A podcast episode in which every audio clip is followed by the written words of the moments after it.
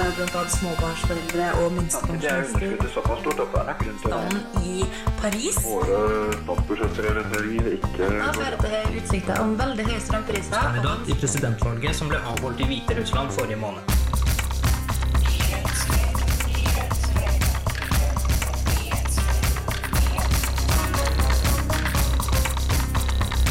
Nyhetsfredag.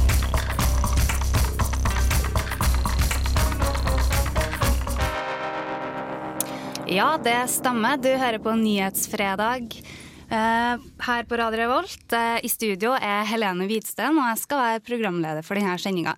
Med meg så har jeg Ørjan Strømmen. Ja visst har du det. Og eh, vi, i dag skal vi ha ei veldig spennende sending om utdanning. For at eh, om ei uke så er det jo eh, søknadspris på høyere utdanning, 15. april. Så vi skal snakke litt om utdanninga som eh, trenger ja, Flere folk rett og slett. Flere folk. Uh. Eh, men vi kjører på med litt god musikk aller først. Her kommer Balkan Beatbox med Move It.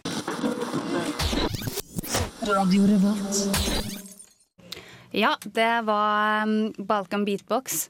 Eh, du hører på Radio Revolt.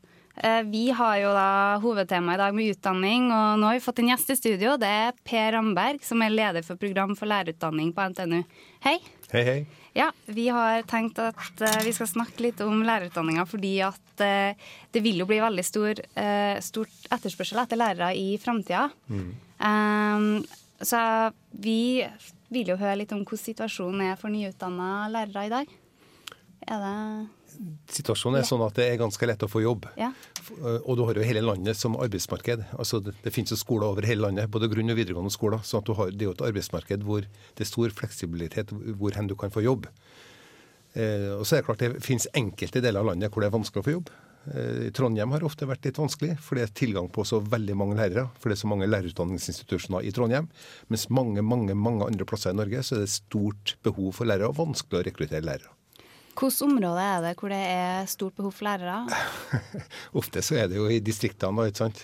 Eh, Ja. ja, ofte i Eh, distriktene. Jeg, jeg leste et eller annet om at eh, det nå vil bli en del goder med høyere lønn og sånn, hvor de lokker med høyere lønn. Da, og Det har vært i, allerede i flere år, den Ja. muligheten. Altså at du, en kommune som mangler, eller en fylkeskommune som mangler lærere, og så får de ingen søkere som er kvalifisert. Men så kan det være at de får tak i en, og som er villig til å ta det, hvis en f.eks. får 16 års ekstra ansiennitet, så at en kan rykke opp til topplønn med en gang. Hvis da arbeidsgiver aksepterer det, så tar han jobben.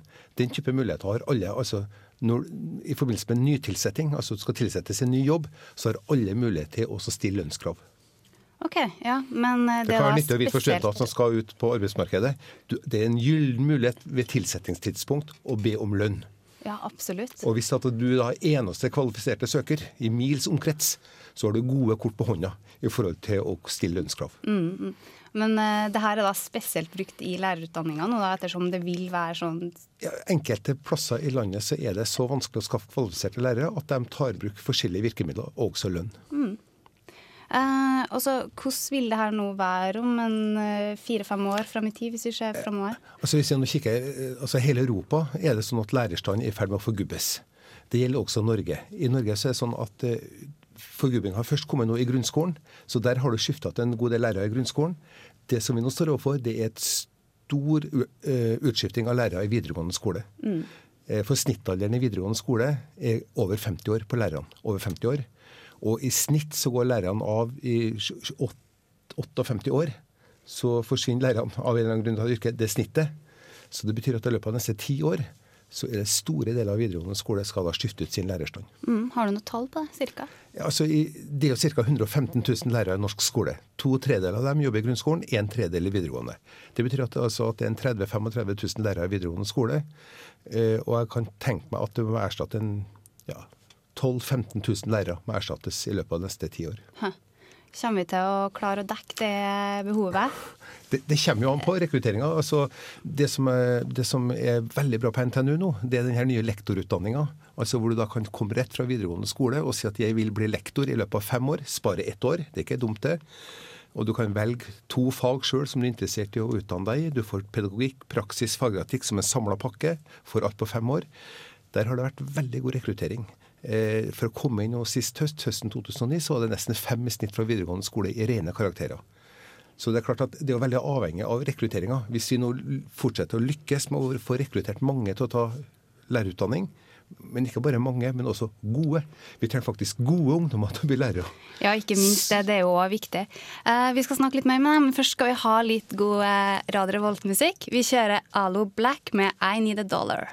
Hei, det her er Josten Pedersen på Radio Revolt. Radio Revolt, 12 points.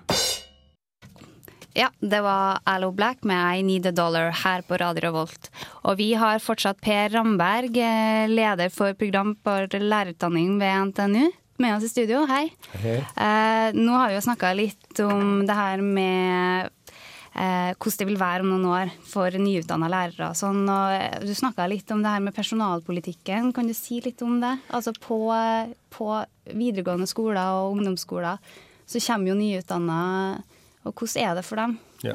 Altså Norge står overfor en situasjon hvor det er fantastisk viktig at vi får tak i dyktige lærere. Altså Det tilbudet vi kan gi til våre barn og unge fra de er små til de er 20 år, kommer til å avgjøre vår framtid. Og det å få dyktige ungdommer til å ønske å bli lærere, forferdelig viktig. Men det er ikke nok bare å få, tak, få dem til å ta lærerutdanning. Det er også veldig viktig at de da faktisk har lyst til å gå inn i skolen og bli lærere, men ikke minst også å bli der. Og Det betyr at vi må ta imot de, våre nyutdanna venner, nyutdanna lærere, på en ordentlig måte. F.eks. i Skottland så er det sånn at nyutdanna lærere det første året, ingen underviser mer enn 70 av full stilling. De får full lønn, men ingen underviser mer enn 70% for de skal få en myk, fin start for å få en trygg start på tilværelsen. I Norge så har det vært på enkelte skoler, enkelte arbeidsgivere, en sånn situasjon. Jaha, nyutdanna lærer kommer her nå. Nå skal du få, virkelig få prøvd deg. Du skal få de vanskeligste klassene for å se om du takler dette. Svøm eller synk. Dette har vi også vært gjennom en gang. Det er en dårlig måte å ta imot nyutdanna lærere på. Det, det kommer til å bli veldig viktig å utvikle en personalpolitikk, så vi da tar vare på våre nye, gode lærere. Ja, det er jo kjempeviktig. Det er jo noe av det essensielle, det å ta vare på de nyutdanna, sånn at du som du sier, får lov, lyst til å fortsette i yrket. Og, og når du har fått tak i de nye, og du tar imot dem og gir dem en god start i starten, som f.eks. i Skottland, så må du også sørge for at de med jevne mellomrom får mulighet til å oppdatere seg, etterutdanne seg, videreutdanne seg, så at de stadig er inne i en sånn utvikling gjennom hele yrkeskarrieren. Der har vi også en stor jobb å gjøre i Norge. Mm. Eh, Hvilke tiltak er det dere eh, Ja, der har regjeringa satt i gang da i 2009, fra høsten 2009 et system hvor de kjøper fri lærere fra skolen og lar dem bli studenter for å ta 60 studiepoeng innenfor bestemte fag som det mangler på i skolen. De har eh, kjøpt fri litt over 1000 lærere i 2009, og nå i 2010 så vil de kjøpe fri 2500 lærere på landsbasis til å bli studenter og ta fag, bestemte fag. 60 studiepoeng. Over to år. Yes. Eh, Det er jo en veldig bra ordning. Regjeringa har jo som du sier, bevilga større midler til lærerutdanninga de siste årene. og mm, Får lærerutdanninga nok midler? Der har jeg lyst til å si. Altså, når det gjelder studieplasser til lærerutdanning, så er det ikke noe problem. Ikke noe problem. Det er mer enn nok studieplasser. De, de, de kaster studieplasser. Men problemet er å gi studieplasser til institusjoner som klarer å rekruttere gode nok studenter til å fylle de studieplassene. Det er problemet. Eh, Når det gjelder økonomien til lærerutdanninga, du vet at eh, staten overfører da en sekk med penger til hver enkelt institusjon. Høgskolen i Sør-Trøndelag, Høgskolen i Nord-Trøndelag, NTNU. Og så er det interne budsjettmodeller som fordeler pengene videre. Og noen institusjoner, ja der fordeles det bra med penger til lærerutdanning. På NTNU så er det ikke dårlig. Veldig ålreit. Mens andre institusjoner ikke prioriterer ikke lærerutdanning, og lærerutdanninga har slitt med svært dårlig økonomi. Så det er stor variasjon når det gjelder økonomi for lærerutdanninga i Norge. Og det er òg stor variasjon fordi at det er variasjon i søkertall. er er vel òg en god grunn til at det er så ujevnt fordelt. eh. To av, det er 30 lærerutdanningsinstitusjoner i Norge. To av tre sliter med å fylle opp studieplasser. Ja. Så det er NTNU som er kanskje den lærerutdanninga hvor det er best rekruttering i landet? eller? Vi har veldig bra rekruttering nå. Vi har mellom to og tre søkere per studieplass. Og på den femårige lektorutdanninga som vi starta høsten 2003, blitt veldig populær blant studenter som kommer fra videregående skole. Du må ha bortimot fem i snitt for å komme inn på den utdanninga. Ja, vet du hva, Da skal vi kjøre på med litt ny musikk her. Uh, vi skal få høre eh, Slim Void med 'Flown'. This is FM 100, fighting the evil, music for the people. Keep it locked, lock it off. One more time. Yes, eh, da var det Harlem med Gay Human Bones vi hørte. Det var litt feil sangtittel i stad. Vi har fortsatt med oss Per Ramberg her i studio. Eh, Ørjan, du var jo litt nysgjerrig på det der med søkertall og sånn. Ja, for det jeg lurte på, det var det om eh, hvis de som søker til å bli lærer, hvis de ikke hadde noe valg om hvor de kunne fått komme inn hen, hadde det vært nok studieplasser da til å fylle opp den mangelen som kommer de kommende årene? Per dato så er sannsynligvis det ikke tilfellet, men jeg er nokså sikker på det at hvis det er institusjoner som klarer å vise at vi klarer å rekruttere gode ungdommer til å bli lærere, så ville de ha fått de studieplassene det har vært behov for. Det er jeg nokså sikker på. Regjeringa har jo i 2010 prioritert tre områder når det gjelder studieplasser. Det er lærerutdanning, det er helseutdanning, og det er realfag. Og jeg er nokså sikker på at de som klarer å vise vi klarer å rekruttere, vi har et godt tilbud, da får du de studieplassene du ber om. Men hva skal vi gjøre om, eh, hvis da om ti år, la oss si, det ikke finnes nok lærere? Hva skal vi, hva skal vi gjøre da? Hvem skal utdanne eh, barna våre da? Ja, altså vi, det, det, er forferdelig viktig. Altså, når det gjelder lærerutdanninga og lærere, det er ikke liksom bare snakk om å utdanne nok eh, når det gjelder antall. Det er jo minst like viktig å få tak i gode, talentfulle ungdommer som brenner litt for å bli lærere. Eh, altså Kvaliteten på lærerne er jo minst like viktig som antallet. Jeg sier ikke at liksom det er uvesentlig hvor mange det er, men jeg vil også ha et fokus på kvaliteten. Og det, det blir en utfordring for nasjonen Norge å få tak i gode ungdommer som egner seg og som har lyst til å bli lærere, og at de da faktisk kommer i læreryrket. Det er en utfordring.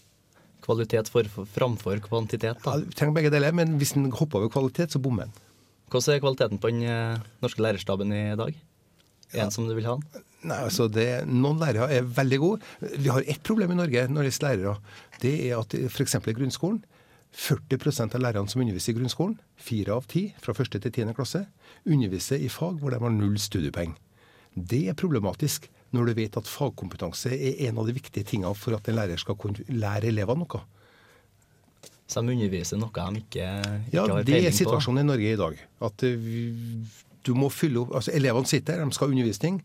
Du klarer ikke liksom å dekke opp hele spekteret av alle fag med faglærte lærere, og så må lærere undervise i fag hvor de ikke har utdanning. Ja, det er jo rett og slett for dårlig. Altså, ja, Sånn kan det ikke være. så og, vi får jo virkelig håpe at Og i hvert fall at, at, tallet er så høyt som 40% i grunnskolen. Mm. Fire av ti underviser hver dag i fag hvor de har null studiepoeng. Dette står i stortingsmelding nummer 31, Kvalitet i skolen, heter den stortingsmeldinga. Der står det i 40 men når du kommer opp på eh, videregående nivå, så er det vel Der er det bedre. Der underviser lærerne stort sett i fag hvor de har utdanning. Men problemet i videregående det er at det er for få som har mastergrad eller hovedfag. F.eks. innenfor realfag tar matematikk. Under 10% av lærerne som underviser matematikk i videregående skole, under 10 underviser, og, og, som underviser da matematikk på studieforberedende retningene, under 10% har mastergrad eller hovedfag. Mm. Så det er en utfordring for videregående å få flere lærere på masternivå. Ja, Så vi får bare håpe at kampanjer uh, gjør at flere vil bli lærere, og at vi da får en sånn positiv uh, spiral, da, sånn at uh, vi får flinke, flinke lærere i framtida. Det kommer til å avgjøre framtida om vi lykkes med det. Ja. Du vet jo hva, Da sier jeg tusen takk til deg, Per Ramberg, leder for uh, lærerutdanninga ved NTNU. Det var kjempehyggelig at du kom i studio. Like måte. Mm, da skal vi ha litt ny musikk, og nå får du uh, Slim Void med 'Flown' her på Radio Revolt. Du hører på Radio Revolt, studentradioen i Trondheim. Ja, det var Slim Boyd med 'Flown' her på Radio Revolt. Her er jo jeg, Helene Hvitsten og Ørjan Strømmen i studio. Hei og sånn. Vi snakker om utdanning. Nå har vi snakka med Per Ramberg om hvordan det vil være i framtida med lærermangel. Eh, både i videregående og i grunnskolen. Eh, men det er ikke bare mangel på lærere, det vil være i framtida og også i dag. Det er òg sånn at ingeniører og sivilingeniører er det stor etterspørsel etter på arbeidsmarkedet. Og det vil bli mer i de kommende årene. Eh, det er faktisk sånn at Norge ikke klarer å utdanne nok eh, ingeniører, så vi henter inn folk fra Sverige og de andre nordiske landene for å dekke behovet. Og eh, nå er det jo sånn at i år er det 100 år siden NTNU starta med ingeniørutdanning her i Trondheim. Så vi har en lang tradisjon på det. Men rektor Torbjørn Digenes uh, ved NTNU han sier at problemet for sivilingeniørutdanninga det er at vi ikke får nok økonomisk støtte fra norske myndigheter. Det ville vært eh, mulighet for å utdanne mye flere ingeniører om eh, det har blitt bevilga mer midler. Eh, og på den andre sida så sier jo Tora Aasland at Tora Aasland er forsknings- og høyere utdanningsminister. Hun sier at uh, ved Kunnskapsløftet i grunnskolen, hvor uh, det blir satsa mer på realfag i ungdomsskole og i videregående skole, så vil vi øke rekrutteringa til utdanninga som real, ja, altså realfagsutdanninga som sivilingeniør og sånn i de kommende årene. Men jeg er litt usikker på det. Ørjan, hva tror du egentlig? Altså, For å komme inn på ingeniør så er det jo ganske høyt snitt, og jeg tror ikke det er noe mangel på søkere, egentlig. Nei, det er sikkert mange som kunne tenkt seg å gått sivilingeniør, men eh, det er vel et rimelig krevende studie, vil jeg tro. Mm. Og det at uh, snittet er så høyt, det er vel på sin plass, men når det er så høyt igjen, og jeg ser, jeg ser problematikken blant at eller i det at det er få som klarer å kvalifisere seg, kanskje. Ja, det er kanskje det. Um, det er jo to sider med det. Enten om vi har nok penger, uh, bevilgninger, til studiet, eller om det er sånn at folk ikke søker på studiet. Og sånn er det jo ikke. Det viser seg jo at det, men penger er jo bestandig et problem, er det ikke? Ja, det er politiske beslutninger som er ofte et stridsmål. Uh, ja. Nå tror jeg vi skal høre litt, uh, litt musikk igjen, bare for å koble av. Vi skal høre uh, Bloody Knives med 'Hands Around My Neck'. Radio Revolt.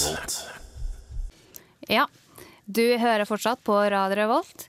Nå skal vi over til en annen yrkesgruppe hvor det er behov i framtida for uh, nyutdanna. Vi snakker om sykepleiere, og Ørjan Strømmen han har vært intervjua studieveilederen ved sykepleierutdanninga hos SIST, Sigrid Skjærsvold, for å høre hvordan utsiktene er for deg som får pleiehjelp de kommende årene. Og her får du saken. Det, det, prognosene viser jo at det vil være stor mangel på sykepleiere framover opp mot uh, 2050. Men skyldes det rekrutteringa av studenter, da? Det kan gjøre det, men altså, det er veldig variabelt rundt om i landet. Men stort sett så er det mange søkere til sykepleierstudiet. Men det er jo noe med kapasiteten, hva den enkelte høyskole kan ta inn. Hva vi får av studieplasser fra departementet. Og også hva praksisfeltet klarer å ta imot av studenter. Halvparten av sykepleierstudiet er klinisk praksis. Og da er noe av flaskehalsen er i sykehusene, hjemmesykepleien, eldreomsorg og i psykisk helsearbeid. Så grunnen til at det, det kommer til å bli mangel på sykepleiere framover i tida, er rett og slett studieplasser? Da? Det er mangel på studieplasser? Ja, ikke bare det, men altså, du må jo se i sammenheng at det er jo en del som går av med pensjon etter hvert. Og at uh, helsevesenet er utbygd. Det er det jo, selv om uh, det legges ned kanskje lokalsykehus osv.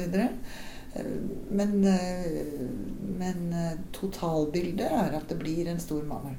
Hvordan ser det ut om 10-20 år? Oi.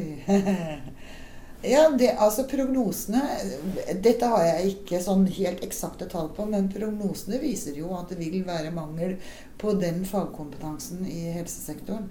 Så det vi vet, er at uh, styrende politikere de jobber jo for at flere yrkesgrupper skal komme inn og yte omsorg i helsesektoren. Hvilken yrkesgruppe er det, da? Ja, Da er det omsorgsarbeidere, tidligere hjelpepleiere, uh, som det er snakk om. Og også har det vel vært snakk om noe ufaglært som kan gå inn og gjøre enklere oppgaver. Så, så, trikset blir egentlig da å, å, ikke få inn flere sykepleiere, men gjøre også andre folk kompetente til å utføre de arbeidsoppgavene som sykepleierne gjør. Ja, spør du meg som sykepleier, så mener jeg jo at uh, kompetansen må være til stede. Og at eh, pleie og omsorg kan utøves av flere, men, men toppkompetanse er viktig eh, for å yte det som pasientene trenger. Hva mener, hva mener, du som sykepleiere skulle ha blitt gjort for å få tukt på det som kommer til å skje framover? Ja, det ligger på antall studieplasser, men, men det blir for enkelt å si at det er der det ligger. For det, det igjen krever ressurser. Både penger til å drive utdanning, lokaler til å drive utdanninger, lærekrefter, eh, men ikke minst praksisplasser. Og det gjelder alle helse- og sosialfagene hvor det kan være trangt om eh, praksisplasser. Hva skal man gjøre om ti år, da, når eldrebølgen kommer og man ikke har folk til å ta seg av dem? Ja, det kan du si. Jeg er en av dem, antagelig. Det stemmer. Du hører selvfølgelig på Radio Revolt. Eh, Ørjan, hun snakka med nå, eh, hun sier jo det at det er eldrebølgen som blir et stort problem i framtida. Ja, for du, du har jo denne eldrebølgen. Det består jo av dere etterkrigsbarna. Og det er, jo dem, som- ja, det er jo dem som er i arbeid nå. Og det som skjer, det er jo at de går jo ut eh, med pensjon. Og da får vi lite folk eh, til å være eh, sykepleiere. Ja, til å være sykepleiere fremtiden. Og i tillegg så er det jo dem som trenger pleie, da. Så det blir jo på en måte sånn dob doble på seg. Det blir jo dobbelt opp. Det blir jo både det at de som har jobba, de går av med pensjon, og samtidig så trenger de pleie. Sånn at vi vil jo kanskje ha enda større behov for helsefagarbeidere i framtida enn det det har vært fram til nå, da, fordi at vi blir flere eldre i samfunnet. Er ikke det litt sånn? Jo, jo de som, de som sto attmed senga og pleia, pleia før, de havner opp i senga nå. Mm. Og så er det ingen som kan stå attmed senga på dem. fordi at eh, en eh, rapport fra, fra SSB den viser at i 2030, så, eller inne i løpet av 2030 så vil vi ha en eh, mangel på over 40 000 helsearbeidere. Og det er ganske mye folk. Og det, det jeg fant ut, eller det hun fortalte meg når jeg var der, da, det var det at eh, det, det, det er ikke mangel på søkere. For eh, sånn som til HIST, så var det 2000 stykker som eh, Eller vent, da. Jo, 2900 søkere som søkte, mens det var bare 200 stykker som fikk studieplass. Så, så det er jo en stor mangel på studieplasser, så det kan jo hende at det er det som er det som er problemet, men hva som er løsninga, det, det vet man ikke. Det vet vi ikke. Ikke vi i hvert fall, men det er helt sikkert et eller annet med penger det òg. Altså at vi må få bevilga mer. eh, Ja, regjeringa har jo prøvd å eh, har jo prøvd å finne noen løsninger, og det de har funnet ut nå, at vi kan ta oss omdefinere som, eh, hvem som kan hjelpe folk. Så det de skal gjøre nå, de skal si at også andre yrkesgrupper kan gjøre oppgaver som kun sykepleiere kunne gjøre før. Og da mener de at eh, problemet er løst. Høres ut som en veldig enkel løsning, Ja. det er så sikkert det, Det høres ut som en grei plan. Case closed. Case closed. Ok, nå skal vi over til et litt annet tema her i Nyhetsfredag. Eh, Vi har jo snakka masse om utdanning nå, men eh, rett før eh, påske så var jeg og snakka med um, ja, eh, vi snakka om et tema som heter seksualisert vold. Det er egentlig voldtekt i krigssituasjoner. Jeg snakka med Anette Bringedal Hauge. Og eh, hun har hatt internasjonale studier og skrevet en masteroppgave om seksualisert vold i krigssituasjoner. Og nå skal vi høre på en sak hvor jeg intervjua hun. Men eh, først skal vi få litt mer musikk. Dere får låta Don't Be Cruel, og det er selveste Elvis Presley. Good morning, Viet. Trondheim. Du er i Trondheim og hører på Radio Revolt. Når vi hører og leser krigshistorier om tre år gamle jenter som voldtas analt og vaginalt til de dør, om jenter som brukes som sexslaver, og om kvinner og jenter som føder sine voldtektsmenns barn og støtes ut av sine lokalsamfunn etter de er født, så må vi huske at dette er opplevelser som noen overlever med hele sine liv. Og det er overgrep som mennesker, og oftest unge menn og gutter, begår. Dette er det viktig at vi tar inn over oss. De dette handler om, kunne ikke bare vært våre døtre, mødre og søstre. Overgriperne kunne òg vært våre sønner, brødre og fedre. Dette må være utgangspunktet for enhver diskusjon om tiltak mot seksualisert krigsvold. Jeg kjenner at det gjør vondt i magen når jeg hører Anette Bringedal fortelle om hvordan situasjonen er for ofrene for seksualisert vold i krigssituasjoner. Temaet er lite omtalt, men et utbredt våpen blant soldater for å få kontroll, spre frykt og usikkerhet i krigssituasjoner. Seksualisert vold forekommer bl.a. i land som Kongo, Sierra Leone og Liberia i dag. Anette Bringedal jobba i sine internasjonale studier med hvordan situasjonen var under Bosnia-krigen. Krigen varte tre blodige år, fra 1992 til 1995, og i denne perioden så døde over 102 000 mennesker, og over 40 000 ble voldtatt. Det skyldes primært at det er et sterkt konkurranseorientert eh, miljø innad i militære og væpna grupper. Eh, eh, basert på heteroseksisme, Mm. eh, misogyni og, og fremmedfrykt, som blir brukt til å på en måte oppildne soldatene til å eh, utføre handlinger som jeg tror de normalt ikke ville vært i stand til å gjøre. Og jeg mener det er veldig viktig at vi holder oss vekke fra en slags monsterliggjøring av overgripere. Eh, vi, må ikke, vi må ikke gå dit hen at vi tenker at dette er psykopater som begår disse overgrepene. For med en gang vi gjør det, så eliminerer vi òg alle muligheter til å sette inn tiltak som, som kan få slutt på dette, eller begrense omfanget av denne type vold. De fleste av soldatene i Bosnia tror ikke jeg eh, hadde begått seksualisert vold før de ble soldater og før krigen brøt ut. Ingen av de jeg studerte hadde begått seksualisert vold fra før, eller var iallfall ikke dømt for det tidligere. Norge, gjør, Norge er veldig gode til å si at man, den politiske viljen er der, og dette er kjempeviktig for oss. og dette skal vi dette går vi i front for. Eh, men allikevel så savner jeg eh, at Norge bidrar der FN etterspør det mest. Jeg syns at eh, Norge er veldig gode til å eh, svare på Nato og USA sine henvendelser når det gjelder Afghanistan, men, men, men vi er ikke villige til å fronte FN. Vi er ikke villige til å bidra med tropper i FN-operasjoner. Nå ser vi at eh, Tsjad sin operasjon skal avslutte, eller Norges innsats i Tsjad skal avsluttes. Så vi, til tross for gjentatte forespørsler om å bidra i DR Kongo, så, så fortsetter norske myndigheter å si nei. Og dette til tross for at eh, norske myndigheter gjentatte ganger har sagt at vi skal prioritere FN og styrke FN sitt fredsarbeid. Jeg vil ikke utelukke at noen kanskje en, er disponert for å begå seksualisert vold, og fant en eller annen mulighet her til å gjøre noe de kanskje ville ha gjort u i fredstid òg, hvis det var mulighet for det. Men jeg tror det store flertallet blir påvirka av de gruppeprosessene, av ordre, av, av den fremmedfrykten og, og, og de maskuliniseringsprosessene som foregår i det militære. Jeg tror det. Ja, det var Nette Bringedal det som snakka om seksualisert vold i krigssituasjoner. Du hører fortsatt på Radio Revolt, og programmet er Nyhetsfredag.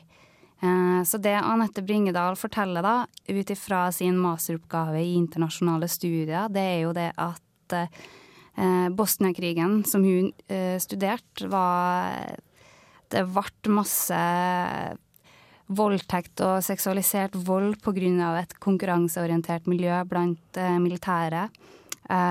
Og en slags oppildning av soldater i en krigssituasjon. Da, sånn at eh, de ble pressa eh, fordi det var krig til å utføre handlinger som de sannsynligvis ellers ikke ville ha gjort.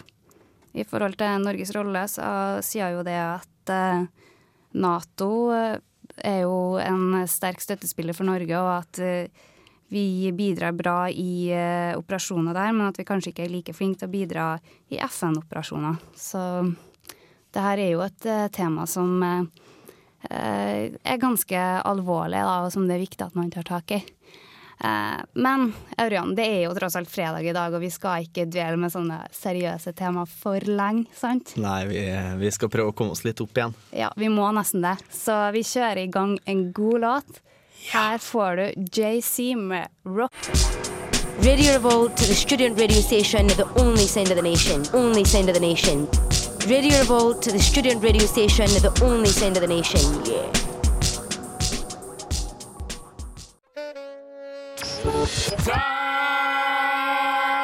Teip! Radio Revolt har gleden av å presentere Teipfestivalen for tredje gang i historien. Teip 10 går av stabelen 15. april og varer tre dager til ende. Blant annet kan du få med deg band som The Megaphonic Thrift, St. Helen, Tom Hell og The Cubicle. Og du kan være med på spillmesse, livesendinger med Radio Revolt, paneldebatt, gastromatgrilling på fengselstomten, pluss to Husbåkonserter. Vi har òg fete DJ-er som spiller både på Samfunnet og hos våre samarbeidspartnere 3B og Brukbar. Deriblant Casio Kids. For mer info, se teipfest.no, så snakkes vi på festival! Yeah, baby! Teip! Jepp. Kom deg på tape i neste uke. Det blir kjempebra. Utrolig kul eh, festival. Mm, Og vi skal jo også være med og lage sending om eh, selvmordsbombing. Hva skjer da? Hva skjer da? Tror det kan bli det. eh, veldig lærerikt. Ja, nei, men at det tror jeg kan være en veldig fin sending. Mhm, Ha deg bort dit arrangeres. Men Ørjan, klokka den raser mot fem, og vi er ferdige her i dag i studio med Nyhetsfredag. Eh, så nå er det vel egentlig helg. Det bare å gjenstå å takke vår fantastiske tekniker Torstein Pedersen. Og eh, ellers Så er det Magnus Sinnes til høyre i bakgrunnen, og han kan jo få meg på klubben på Samfunnet i kveld. Hør på den nydelige musikken her. Takk for oss.